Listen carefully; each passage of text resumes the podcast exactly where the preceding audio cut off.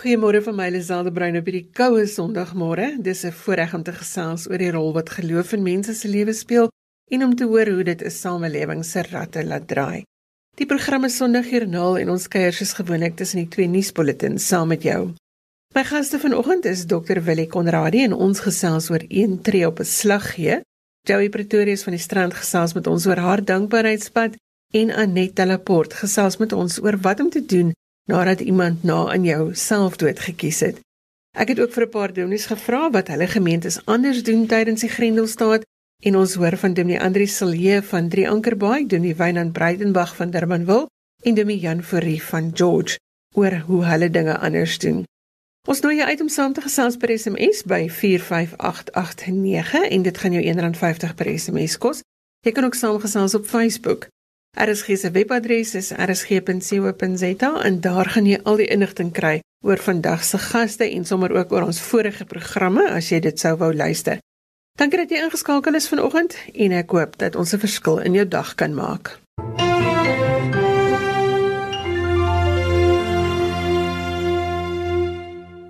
Joey Pretorius woon in die Strand. Sy is 'n getroue RSG luisteraar en ons gesels vanoggend met haar oor haar geloofspad. Goeiemôre Joey. Môre Lisel, môre luisteraars.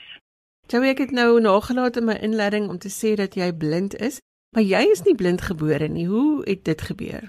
Nee, ek is nie blind gebore nie, maar ek is gebore met glaukoom wat jou oogsenuwees dooddruk. So dit het so oor jare gebeur. Dis nou so 30 jaar wat dit nou nie donker is voor my. Ek kan nou sit hier die sterkste lig in my oë, ek kan niks sien nie.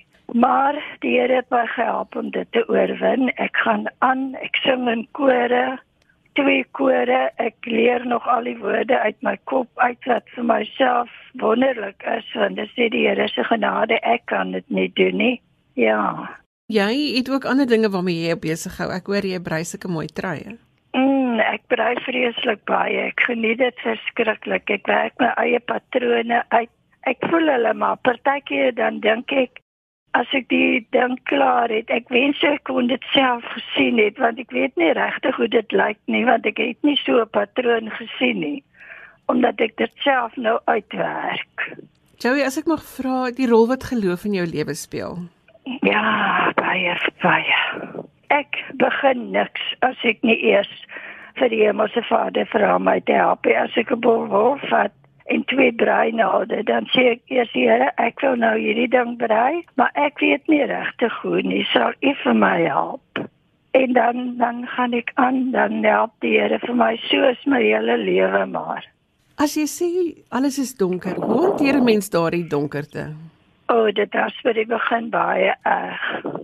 Ek het by die begin vir die Here gevra, want ek het vir hom gevra toe my oë nou so begin verswak van die drukking op die senuwees. Ek vra nie om goed te sien nie, Hemelse Vader, maar ek help my tog nie dat ek nie heeltemal blind word nie. En een oggend toe is ons in die Helderberg kerk, ek en my man en onder die preek raak dit net donker voor my.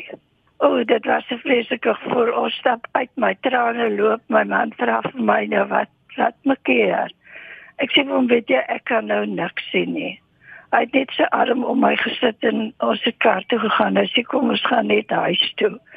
Ons kom by die huis. Ek sê Dani, wat gaan ek nou doen? Ek kan nou niks sien nie. Hoe gaan ek nou regkom? Sy woorde aan my was gaan net aan soos altyd. Jy is selfstandig jy sal deur dit kom.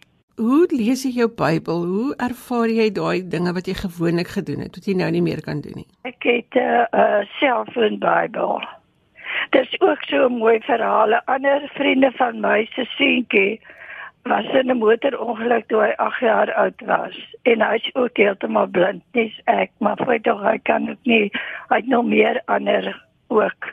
Maar hy het ehm um, geld uh, bymekaar gemaak en hy het uh, self 'n Bybel gekoop en die eerste heel eerste een wat hy gekry het kom sy ma hier aan Johannes Smit sy naam Annelie Smit sy ma. Sy sê Joey ek bring vir jou die selfoon Bybel want Johannes het gesê dan die Joey moet die eerste een kry. En hoor jy dit is wonderlik Joey, vertel ons van die rol wat dankbaarheid in jou lewe speel. O, oh, dankbaar kan ek nooit genoeg wees teenoor my hemelse Vader nie, maar al hoe ek probeer dankbaarheid uitlewe is om vir die Here getuie te wees. Want ek kry so baie tyd om dit te kan wees as mense bewonder my omdat ek nou al 8 jaar alleen in my huisie bly en myself aantrek en alles sê ek lyk altyd netjies ek doen tot my hare self knip dit ook self dan kan ek vir hulle sê maar dis nie ek nie dis die Here se genade En so kan ek vir hom 'n getuie wees en ek is so dankbaar as ek iets vir die Here kan beteken hier op die wêreld. Jy het nou genoem dat jy in kore sing. Is musiek belangrik vir jou? O ja, baie. Ek is baie lief vir musiek. Ek sing in 'n so in ons kerkkoor en dan ter so gemeenskapskoor wat van verskillende denominasies is en kerke. Dis onder leiding van Jolanda Botha van die Aldeberg Kerk, die orgeliste. En is dit vir jou moeilik om al daai woorde te onthou? Nee, nee, eintlik nie. Vader help my daarmee ook. Het baie keer 'n bietjie maar ek het altyd iemand langs my. As ek nou nie weet nie, dan vra ek net gou as daar stil te kom. Wat is daai lyntjie nou weer? Joey, as jy 'n boodskap het vanoggend, ek weet van verskeie mense wat self sukkel met hulle oë, wat nie kan sien nie, wat net gedeeltelik kan sien. Wat is jou boodskap om vanoggend vir almal te inspireer wat self in die donker te moet loop? wees net verseker die Here is altyd daar en vir my kort kort raak dit so lig vir my ek kan niks sien nie maar dis lig en dit sê vir my die Here sê vir my jy's in die donker maar onthou ek is die lig in jou lewe ek is altyd by jou en so gesels Joey Pretorius van die strand Joey baie dankie dat jy vanoggend jou dankbaarheid en jou geloofspad met ons gedeel het Ag baie dankie. Dit is my wonderlik gewees om dit te kan doen. As jy sopas ingeskakel het, dan sê ons goeiemôre. Die program is Sondagjoernaal. Hier fokus ons op die positiewe dinge wat mense in hulle lewe ervaar. Een van die geheime van 'n gelukkige lewe is dankbaarheid. So ons nooi jou uit om vir ons te laat weet waarvoor jy dankbaar is vanoggend. Joey het met ons haar storie gedeel. Jy kan ons 'n SMS stuur by 45889 om jou gedagtes met ons te deel en onthou daardie SMS gaan jou R1.50 kos.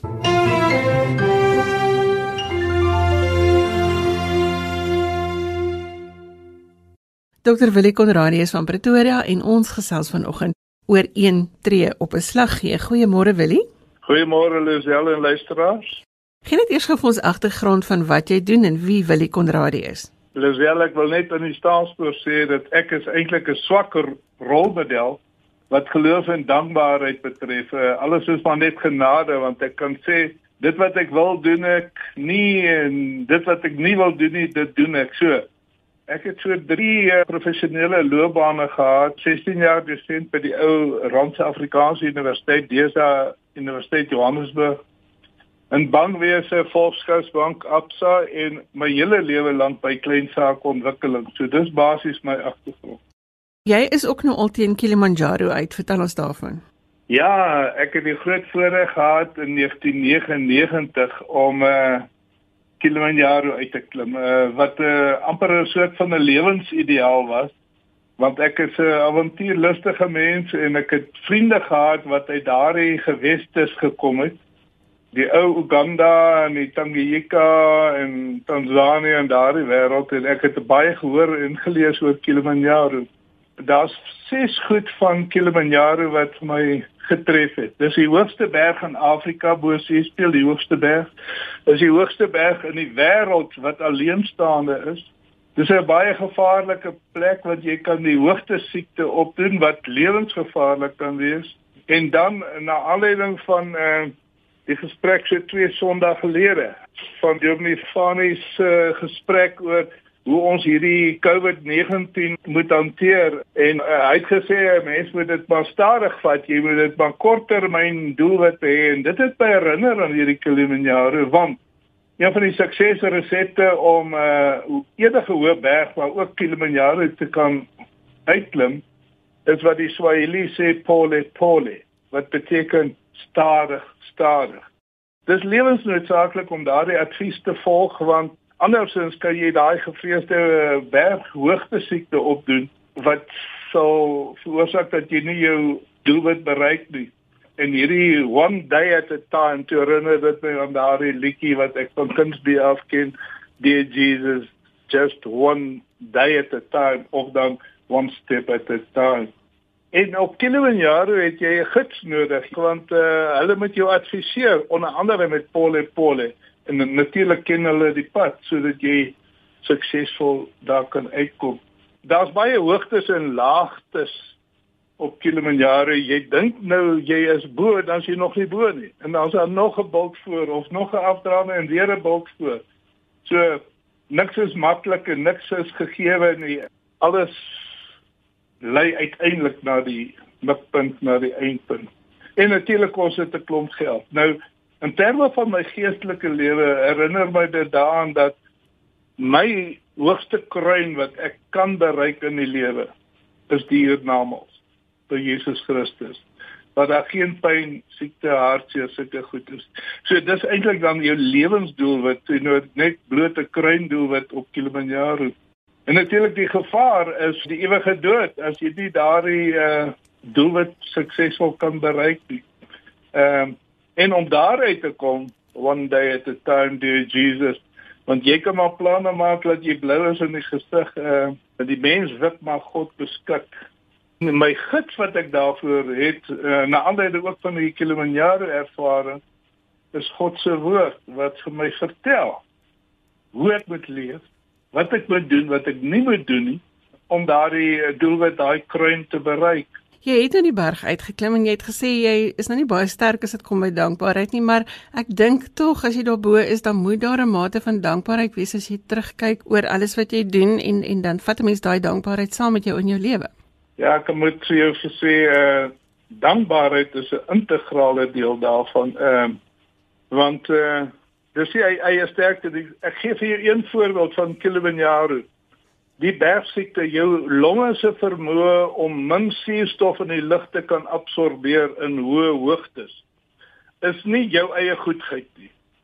Dis bloot geneties. Jou longe, jy so daarmee gebore om suurstof te absorbeer, te onttrek uit dun lug of nie. So dis nie jou goedheid wat sorg dat jy die kruin bereik nie.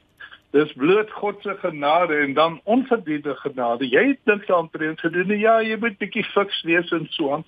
Maar die deurslaggewende faktor is jou gene en jou longe se vermoë, so ook in op geestelike verband. Kan ons afsluit met 'n paar gedagtes oor watse inspirasie het jy gekry uit jou klim van Kilimanjaro? One day at a time, dear Jesus, one day at a time, just one step Ek het altyd vir studente gesê as hulle 'n groot uitdaging het, uh, dan vra ek hulle die vraag: How does one eat an elephant? En die antwoord is bite bite bite. So stapie vir stapie na alleene van God se woord met ons die uitdagings, die hoogtes en die laagtes, die berge en die dale met ons aanpak in die wete dat dis nie ons goedheid wat ons daar gaan bring nie, maar met daardie geloof, daai vaste vertroue dat God is my beskermer. Ek kan Kilimanjaro probeer klim sonder 'n gids. Ek kan die lewe aanpak sonder God en God se woord, maar ek is baie beter geadviseer as ek daarmee saamleef. En so gesels Dr. Willie Konradi van Pretoria. Hy het met ons sy gedagtes oor dankbaarheid en geloof gedeel, veral uit sy ervaring van die klim van Kilimanjaro. Willie, baie dankie vir die saamgesels vanoggend. Dankie Lisel, seën vir jou ook met jou program. Anet Delaport is van Hospice Vision en sy spesialiseer in traumaberading maar ook depressie. Ons fokus vanoggend op die nagevolge van selfdood en hoe die wat agterbly daardeur moet werk. Goeiemôre Anet. Môre Lisel. Anet, as ons nou oor hierdie onderwerp praat, dan raak ons dit nie ligtelik aan nie of sonder kennis nie. Jou man Andre is onlangs oorlede en met onlangs bedoel ek dat ons dit nog die week op ons een hand kan aftel. Wat beteken dit om nie op die kantlyn te skryf nie? Hoe vind 'n mens jou parke? Mm. Onthou jy toe jy skool toe gegaan het, het die juffrou vir jou 'n werkboek gegee. En daar was 'n rooi streep aan die kant en die juffrou het gesê: "Hierdie is jou potlood, hierdie is jou uitveer en jy mag nie in die kantlyn skryf nie." Reg. Ons dilemma is dat ons in ons kantlyne skryf. Nie net agter die rooi lyn nie, maar bo-op en onder en ons lewens is 120% oorlaai. en ons eer nie die feit dat ons mense is nie. God het alles gemaak met perke. Hy het ons ook as mense met perke gemaak. En so, daar's 24 ure in 'n dag en jy pak in soveel as wat jy kan. En as 'n mens nie jou perke vind nie, dan gaan daar 'n dag kom wat jy jou perke oorskry. En dit is wat met Andre gebeur het. As ons sê dat jy vir jou naaste moet lief wees soos vir jouself, hoe meet ons daai selfsorg? Want nou het iemand hulle lewe geneem en hier is ons nou. Ons moet aangaan. Jy moet die volgende tree gee. Jy moet skoonmaak, jy moet lewe. Hoe gebeur dit? Mm. Ja, ek dink vir my omdat ons storie ons reis met depressie vir 35 jaar lank was en kronies geword het, moes ek vroeër met selfsorg begin en ek is so dankbaar daarvoor. En toe ons 4 jaar terug Kaap toe getrek het, het ek besef ek moet leer om die ek uit die ons te haal. En ek moes maniere vind om eerstens na myself te kyk. So ek het onthou ek het 'n dag gehad wat ek voor die spieël gaan staan het. Want ek het opgehou om oorbelle te dra want ek het gevoel my man sien my nie raak nie want hy kyk net vir sy naaltjie want as jy depressief is dan kyk jy net af ofwel soos hy gedoen het gewerk het voor sy rekenaar. En ek moes in daai spieël in my oë kyk en sê ek sien jou. En ek dink dis die heel belangrikste ding wat ons almal moet leer doen is om onsself te sien. Want God het jou so belangrik en spesiaal geag dat hy net een van jou gemaak het En in ons naaste liefde is dit asof ons maatloos en grensloos omgaan in ons diensbaarheid en ons versorging. En ek moes leer om my perk te vind en om ook myself te versorg in die proses van langs Andrei stap. Ek moes leer dat ek 'n vel het en dat my vel my eerste grens is wat vir my sê waar ek begin en waar ek ophou. Ek moes leer dat om hom te ondersteun nie beteken om te beleef wat hy beleef nie. En ek moes vind hoe maak ek my eie hoop denk elke dag vol want ek is en bly 'n draer van hoop. En in hierdie proses van selfsorg moes ek leer oor onwettige betreding van iemand anders se erf. Vir ons as Christene sal dit nooit oorweeg om in iemand anders se huis te gaan inbreek nie. Maar as jy dink emosioneel, waar spandeer jy tyd? So 'n goeie vraag om jouself te vra is op wie se erf is jy nou? En ons het deur 'n seisoen gegaan die afgelope 2 jaar van ernstige worstel met die dood. En daar was 'n tydperk waar Andre vir 5 maande 'n doodswens gehad het. Hy het nie planne gehad nie. Hy wou net nie meer lewe nie. Dit was net te swaar. En toe het ek een oggend het hy nog geslaap en ek het agter my rekenaar gesit en ek het myself betrap dat ek dink nee, ek moet gaan kyk of hy wakker is nie. Ek moet gaan kyk of hy nog lewe. En toe het ek besef maar hierdie is 'n perk. Hierdie is nie 'n manier waarop ek kan leef nie en ek moes ook leer dat ek nie namens hom lewe kan kies nie. Dis op sy erf wat dit gebeur. Dit voel vir my asof jy meer beskryf as net om met selfdood saam te leef. Dit voel vir my of elke vrou of man, watter situasie jy is, of jy hierdie ding moet kies in 'n egskeiding of in 'n verhouding mm. of jy moet jouself raak sien. Absoluut, absoluut. En die die soos jouself Jy weet, ek dink wat ons doen is ons het almal 'n streep in daai vers in ons Bybel gaan trek en gesê ek moet my naaste lief hê ten koste van myself. En jy moet leer wat sê jou lyf, jy moet jou emosies hoor en jy moet verstaan dat ek wil eintlik lag nou as ek dink ons sê vir iemand wat voel jy? En eintlik ervaar 'n mens 20 emosies oor 20 verskillende situasies. En baie van die emosies rondom dood is onaangenaam en is ongemaklik en daar's nie 'n manier om daar verby te kom. Jy kan al die kennis in die wêreld hê, jy moet dit steeds beleef. So hoe leef families saam met iemand wat gekies het om sy lewe te termineer?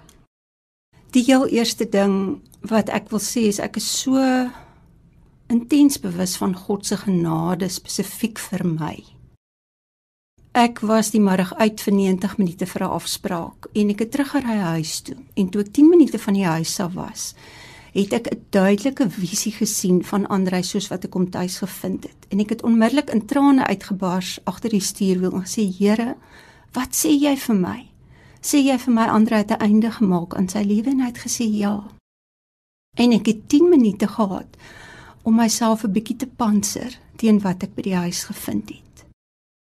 En die eerste ding wat ek gedoen het is ek het gesê ek vergewe jou en ek respekteer jou besluit. Want jy het jou perk oorskry en ek gaan nooit weet en nooit verstaan wat het in daardie moment met jou gebeur nie. En dit dink ek is een van die belangrikste goed wat die familie moet besluit. Moenie probeer om dit te verstaan nie, want dit was nie 'n rasionele besluit nie. Vir my is dit wat Jesus aan die kruis beleef het. My God, my God, waarom het U my verlaat? Daardie totale sielswroging en angs En ek het in my boek geskryf 2 jaar terug, dis 'n baie selfsugtige ding om te doen om jou eie lewe te neem. Wat ek nou verstaan, is dat daar in daardie moment geen kapasiteit is om aan enige iemand anders te dink nie.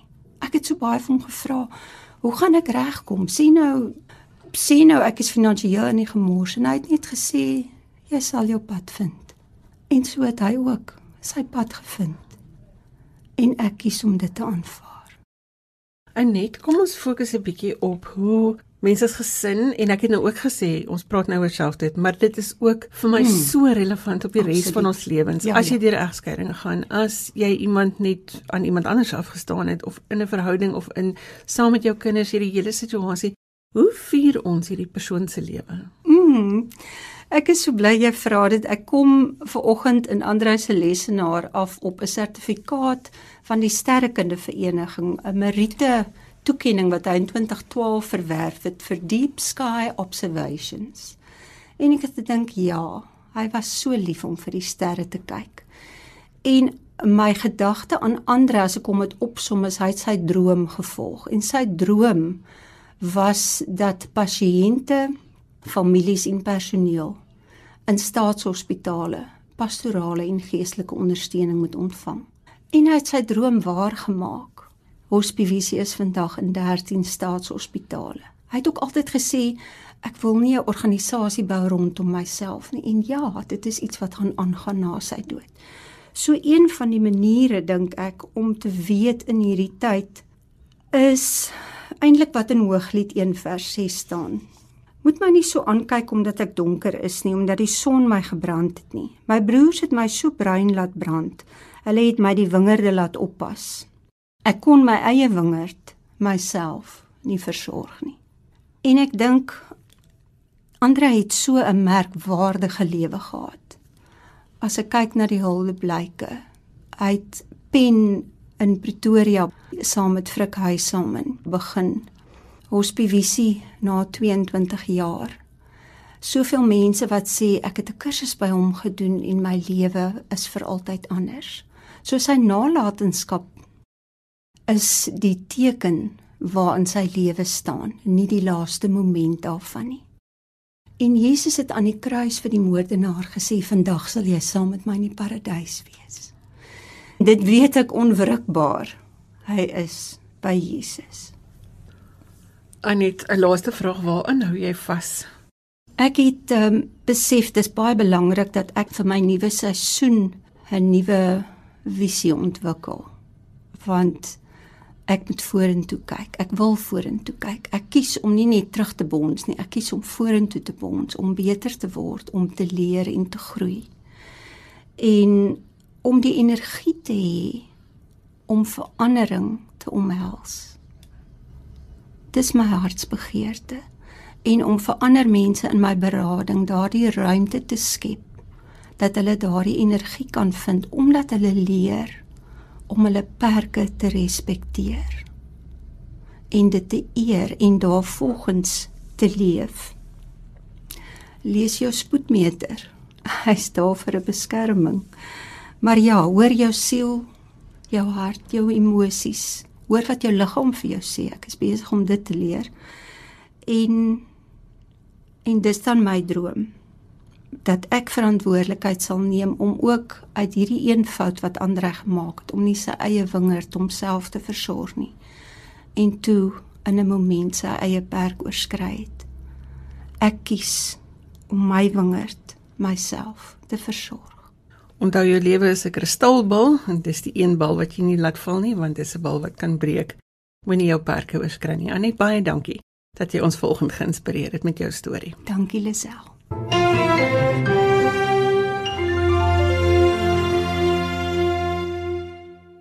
Ek is vanoggend dankbaar om gesond en veilig te wees en ek is dankbaar dat ons jou kan geselskap hou. Ek het vir 'n paar dominees gevra wat hulle gemeentes anders doen tydens die Grendelstaat en ons hoor van Dominee Andri Silje van Drie Ankerbaai, Dominee Wynand Breitenberg van Durbanville en Dominee Jan Fourie van George oor hoe hulle dinge anders doen. Lisel, jy vra hoe ons in Drie Ankerbaai wat 'n stadsgemeente is, dinge anders doen as ander gemeentes. Weet jy, ek dink Grendeltyd is die groot gelykmaker tussen gemeentes. Ons het maar dieselfde uitdagings. Ons sukkel om die internetbediening aan die gang te hou met ons beperkte kapasiteit. Ons bekommer ons oor geld sake. Ons probeer vir 'n uh, gemeente identiteit lewend hou terwyl die mense mekaar nie sien nie. Ek dink in 'n stadsgemeente is dit veral waar dat mense mekaar eintlik maar net Sondagoggende dikwels sien en nou is dit weg en ons mis dit. Maar wat ons gedoen het in hierdie tyd, naas die gewone is, ek het 'n uh, reeks gebede uitgestuur wat ek geskryf het vir 'n lang tyd, elke dag van Grendeltyd 'n gebed geskryf. Ek dink op die ou einde uh so ietsie oor die 30 gebede geskryf voordat ek opgehou het wat gegaan het oor ons kerkgebou deels, maar eintlik ook oor aspekte van kerkwees. Oor hoe verstaan ons kerkwees? Wat verloor ons in hierdie tyd? Wat wen ons in hierdie tyd? Iets anders wat ons gedoen het is om nou 'n uh, nuwe projek aan te pak van die mense uit die gemeente uit. Ons bazaar sou plaasgevind het in April, die 18de April net toe Grendeltyd begin het en ons het dit verloor. En toe het ons nou begin met wat ons noem die bazaar in 'n boks projek. En dis nou glad nie my breinbaba nie, dis die breinbaba van vrouens in ons gemeente. En dit beteken dat jy kan nou letterlik vir jou met die oog op die Kerstyd 'n boks koop met 'n bazaar daarin met lekkernye, met goed wat jy as geskenke kan gee en goed waarmee jy sommer die plesier van die lewe kan vier soos wat ons dit gewoonlik by 'n bazaar sou doen want vir 'n stadsgemeente kan ons nog al 'n lekker plattelandse soort van 'n bazaar, 'n kuierbazaar hou. En nou gaan ons dit nou maar met hierdie bazaar in 'n boksprojek aanpak. Ons werk ook met kursusse wat ons aanbied, wat ek aanbied via Zoom. Ons probeer ook uitreik na mense. Ons het byvoorbeeld die sop in 'n bottel projek wat ek dink op baie ander plekke is te doen gehad.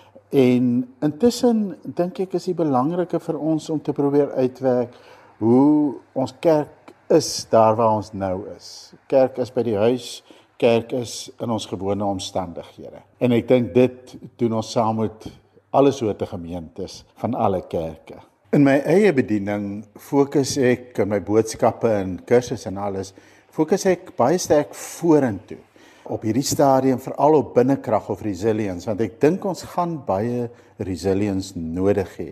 Ons gaan nodig hê om regtig met innerlike krag mekaar by te staan en betrokke te raak in die gemeenskap, betrokke te raak in herbouwerk, hoe meer die impak van Grendeltyd en van die pandemie sigbaar word. En daarvoor vertrou ek regtig dat die Here ons deur sy gees sal versterk maar dat ons ook maniere sal kry om mekaar te versterk en op te bou. Hallo Lazel, dit is baie lekker om saam met julle te kan gesels vandag oor wat met die kerk gebeur in hierdie tyd van die virus. Ek dink mense sal bietjie uh moeg om te praat oor oor die wat die virus doen in alle sektore en alle vakgebiede reg oor die wêreld en alle tipes werke. Alles word geherdefinieer. En uh die kerk staan ook nie terug nie. Ek dink landwyd en wêreldwyd het die kerk gewys dat die kerk kan aanpas, die kerk kan in netwerke saamwerk en die kerk kan ook kreatief wees. Wie sou kon dink dat kerke kan so kreatief wees soos wat hulle nou moet wees? Een van die maniere wat die kerk op hierdie stadium probeer kreatief wees is natuurlik. Hoe doen ons kategese? Hoe werk ons om vir jong mense te leer van dit wat hulle moet leer? Normaalweg sou hulle bymekaar kom in 'n klaskamer setup of by 'n 'n manier waar hulle kon bietjie gesels saam en nou wat nou? Uh, een van die goed wat die kerke doen is deur gebruik te maak van die video konferensiesisteme wat ons tot ons beskikking het. Ons almal weet nou waarvan ons hierso praat Skype en Zoom en Microsoft Teams en al hierdie verskillende maniere wat ons met mekaar kan verbind bly. Maar die kategese klasse het op so 'n manier aangegaan hier by uh, Durbanville gemeente En ek weet ook landwyd is daar baie verskillende kreatiewe maniere wat die kategese op 'n nuwe manier aangebied word. Iets wat ons dalk daar oplet is natuurlik dat dit geensins dieselfde effek het as wanneer ons fisies bymekaar kom nie. Ek dink daar is nog mense wat smag na daai fisiese byeenkoms. Mense sal nou al vasbyt met hoe kerk nou gedoen word, maar veral met die kategese om en veral met jong mense, hierdie die die jou fisiese teenwoordigheid maak nogals 'n groot verskil. 'n Ander manier wat ons ook aan gedink het om so 'n kerk op 'n nuwe en vars manier te doen is om te dink hoe lyk ons dienste op Sondag. En ons het uh, veral in die aanddiens bietjie geëksperimenteer om te kyk maar hoe werk ons met die reëls van iets soos YouTube? Ons probeer altyd uh dit wat ons in die kerk doen op die kerk se reëls te doen, maar wa, wat werk op YouTube? Wat is die reëls waarmee YouTube funksioneer? Uh, een van die goed wat ons gedoen het is om bietjie meer filmagtig uh te gaan uh, met ons met ons aandienste veral en met dit bedoel ek ons het meer gegaan vir die mooi skote te neem met die kamera in plaas van om net so of binne in die kerk te bly het ons nou eintlik die geleentheid om vir die mense meer te wys as net binne die kerk. Ek dink baie mense mis dit om binne in die kerk te wees, maar ek dink ook uh, een van die reëls wat YouTube vir ons uh, gee is dat ons kan meer wys as net een plek. Ons kan beweeg, ons kan nou ons preke gaan afneem op mooi plekke waar daar mooi uitsigte is ensovoorts en dalk ook vir mense wys waar die kerk betrokke is, soos wat ons nou doen hierso deur uh, die sopkombuis te gaan afneem in Versantekraal waar die kerk betrokke is en van daar af 'n diens te neem of dalk van waar die mense uh, wat op die straat woon oorslaap kan ons van daar af diens afneem en dit van daar af vir die mense wys binne hulle huise kan hulle ewe skielik sien vir mense wat dalk van tevore te bang was om te beweeg. 'n ander manier wat ons natuurlik dink, hoe kan ons vars kerk wees is om te sê ons gaan 'n deurry bazaar hou. Dis al dis een van die eerste kere in my lewe wat ek 'n 2 maande bazaar gaan hou. So die kerk hierso by Durban gemeente het geleer by 'n klomp ander gemeentes en gesien maar dit werk op 'n veilige manier nog steeds kerk bazaar te hou. Ons het uh, al pannekoek verkoop en ons het gesê, weet jy, bestel jou pannekoeke um, online voor die tyd en jy kan dit kom optel deur net voor die kerk te stop en ons uh, hou onsself mooi veilig met die maatreëls van die virus is wat ons alles nou almal van weet, mooi gesaniteer, mooi masker opgehou en op so 'n manier kan ons regtig die verpakking ook doen dat dit veilig sal wees vir mense wat dit op kan tel. So ons het al hierdie maatreëls in plek gestel en ons beoog om vir die volgende maand en 'n half bazaar te hou. Ons gaan nog steeds alles vanuit die kerk uit doen. Mense gaan nog steeds kan deurry en ons hoop om teen daai tyd later in die jaar dalk nog steeds iets in ons tuin te kan doen waar mense kan bymekaar kom as die reëls vir ons dan toelaat om dit te doen. So, ek dink kerk word uitgedaag om op kreatiewe maniere eh, nou kerk te wees. Die kerk het gewys, die kerk kan eh, kan aanpas met die met die tye. Goeiedag. Baie dankie vir die geleentheid om ons gemeente se storie met julle te deel. Dis 'n gemeente wat buitekant George geleë is, die Ou Tonikoland gemeente, plattelandse gemeente. Ons is geleë op so ongeveer 4 hektar grondjie tussen die plase. Die grond bestaan uit 'n kerkgebou, uit 'n kerksaal en dan ons 'n kleuterskool en dan ook die pastorie. Dis 'n gemeente wat hoofsaaklik die boeregemeenskap bedien as ook die strandgebiede vanaf Glentana tot en met Hersham daar by Grootbrak rivier. Ek het die gemeente leer ken as 'n gemeente wat baie baie lief is vir mekaar wat omgee vir mekaar, wat gasvry is. Nie net na binne toe nie, maar ook na buite toe. Die gemeente het 'n het 'n hart vir die gemeenskap wat my baie baie opgewonde maak oor die gemeente. Toe die lockdown aangekondig is, het ons maar die alternatiewe begin ondersoek om te kyk hoe ons ons lidmate kan bedien en Op die voetspoor van baie ander gemeentes het ons aanlyn eredienste begin aanbied en ons het die sosiale media begin gebruik om ook boodskappe elke dag by ons lidmate uit te kry. Maar mettertyd het ons lidmate begin voel ons mis mekaar, ons verlang na mekaar Ek het so een of twee Sondae selfs 'n video geneem van hoe dat 'n mens na die kerkgebou toe aanry en parkeer en uitklim en in die kerkgebou instap, net om vir mense weer daai ervaring te gee. Uh want die mense die kerk gemis, uh, nie net die gebou nie, maar ook dit wat binne in die gebou elke Sondag beleef word, die gemeenskap van gelowiges. Toe die verslapping van die regulasies op 1 Junie aangekondig word, het ons dadelik oorweeg om met 'n inrydiens te begin daai 7de Junie. Ons het fotootjies gesien van gemeentes in Amerika wat dit gedoen het. Aanvanklik het ons begin om met luidsprekers dit te toets en die Woensdag voor die Sondag van 7 Junie van ons klanktoerusting het het die gees gegee en toe moes ons alternatiewe ondersoek. En ek het 'n paar oproepe gemaak nadat 'n jong man ook vir my die saadjie geplant het van 'n FM uh, transmitter en ons het 'n instansie gehad wat vir ons kom help het en ons het die FM transmitter geïnstalleer en op daardie manier ook dit moontlik gemaak vir mense om te parkeer op ons kerkgronde en dan op 'n sekere FM frekwensie in te luister na die boodskap. Ja, dit het aanvanklik so bietjie met pyne gepaard gegaan. Ons moes uh redelik bond staan om toestemming te kry vanaf die tweede Sondag by die owerhede. Eden Rambestuur het later vir ons toestemming gegee. Ons het ook 'n populasie sertifikaat van die brandweer gekry uh om wettig te kan wees in hierdie tyd. En dan saai ons met FM transmitters uit uh in 'n radius van so 200-300 meter. Dis 'n ongelooflike belewenis. Ons lidmate is mateloos opgewonde om mekaar Sondag te sien ons hou maar die maskertjies op, ons bly in ons voertuig, ons klim nie uit nie, uh, ons handhaaf die afstande, maar dis 'n vriendelike wy vir mekaar, dis ligte wat flits en toeters wat blaas, en ek staan op die dam, achter die kerkgebou, lekker hoog, hulle kan my sien, hulle kan my hoor, en ons kan ook so bykie muziek speel, en ons kan sing in ons voertuie, dis een ongelooflike geleentheid. Ons lidmaat is baie, baie opgewonde daar oor, ons was die eerste sondag so 70 voertuie min of meer en uh, dis maar in daai omgewing wat die opkoms die afgelope tyd ook is. So ja, alle eer aan ons hemelse Vader wat ook die tegnologie uh, en al die opsies daar rondom op ons tafel kom neersit het om ons lidmate in hierdie uitdagende tye op nuwe maniere te kan bedien. So pas ons almal aan by die veranderende omstandighede. Ons is aan die einde van ons kuier vanoggend. Ek sê dankie vir my gaste. Dr Willie Konradi wat gesels het oor een tree op 'n slag gee. Joey Pretorius van die strand het haar dankbaarheidsgedagtes met ons gedeel en Annette Laporte het oor selfdood en die gevolge daarvan gesels. Dr Andri Silje van Drie Ankerbaai, Demi Wynand Breitenberg van Durbanville en Demi Jan Fourie van George het ook vertel hoe hulle dinge anders doen by hulle gemeentes tydens Grendeltyd. Sondagjoernaal is as 'n potgooi beskikbaar. Jy kry dit op RSG se webwerf en die adres daar is rsg.co.za. Jy kan my e-pos met kommentaar of as jy 'n geloostorie met ons wil deel. My e-posadres is lazel@wwmedia.co.za. Tot volgende week groet ons met die hoop dat jou glimlag vandag iemand se dag sal opkikker. Tot volgende Sondag van my Lazel de Bruin. Totsiens.